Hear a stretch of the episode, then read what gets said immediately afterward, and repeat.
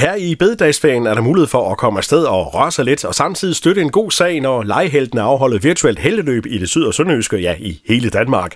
Det er Børneulykkesfonden, der står bag, og med på telefonen er generalsekretær Henriette Madsen. Godmorgen, Henriette. Godmorgen, godmorgen. Allerførst, så fortæl os lige lidt om, hvad legehelten egentlig er for en størrelse. Jamen, øh, legeheltene, de er ude på øh, landets børneafdelinger og sørger for, at de indlagte børn ensat kommer ud af sygesengen og får brugt deres krop. Så det handler om at skabe noget aktiv leg og bevægelse for alle de indlagte børn. Og det gør de så her i bededagsferien med et virtuelt heldeløb. Hvordan kommer det til at foregå? Jamen, det kommer egentlig til at foregå på den måde, at, øh, at man simpelthen kan løbe ja, med heldekapper og med heldemasker og få lov til at støtte op omkring legeheltens arbejde. Så det foregår egentlig på den måde, at man, man får øh, øh, tilmelder sig løbet, og så får man tilsendt denne her øh, heltepakke med en masse sjove aktiviteter, så man kan blive en rigtig ægte superhelt.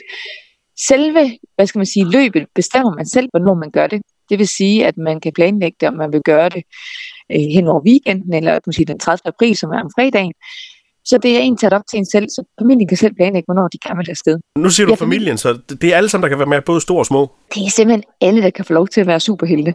Så, øh, så det er sådan set bare at have lyst til at komme ud og give den gas, og så få flyve afsted med, med heltekapperne på. Men hvor foregår løbet hen? Jamen det foregår en tæt, fordi det er virtuelt, øh, vi er nødt til at tage nogle hensyn til, øh, til coronadelen af det, så er det en til familien selv, der skal planlægge, hvor det er, de gerne vil løbe deres tur.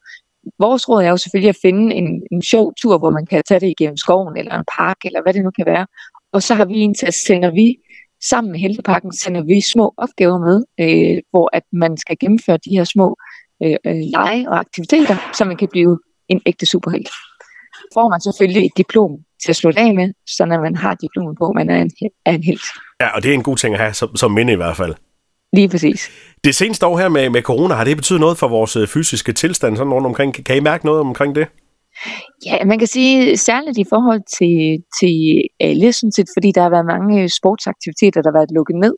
Så det her med ligesom at kunne have den der faste rytme hver dag til at kunne komme ud og røre sig og bevæge sig, eller hver, hver ugedag, eller hvad det nu kan være, man nu går til at sport, det har selvfølgelig en indflydelse i forhold til, øh, til hvad skal man sige, den motoriske udvikling, når det gælder børnene, men en taget også for, for voksne. Så, øh, så det er det, vi gerne vil sætte i gang med nu her, det er at sætte fokus på, at det er vigtigt, at man kommer ud og rører sig og bevæger sig. Også selvom, at øh, der stadigvæk er nogle, nogle fitnesscentre og nogle sportsaktiviteter, man ikke rigtig har mulighed for at kunne gå til. Og hvad koster det at komme med i det virtuelle heldeløb i morgen? Jamen, det er således, at øh, alt efter om man vil have en øh, heldekap med, det får man selvfølgelig, så betaler man 100 kroner for at være med. Og der går overskud til legeheldenes arbejde, således at vi stadigvæk kan sørge for aktiv lejebevægelse for de indlagte børn. Lød det fra generalsekretær Henriette Madsen fra Børneulykkesfonden. Tak for snakken og rigtig god bededagsferie. Jo, tak, og i lige måde.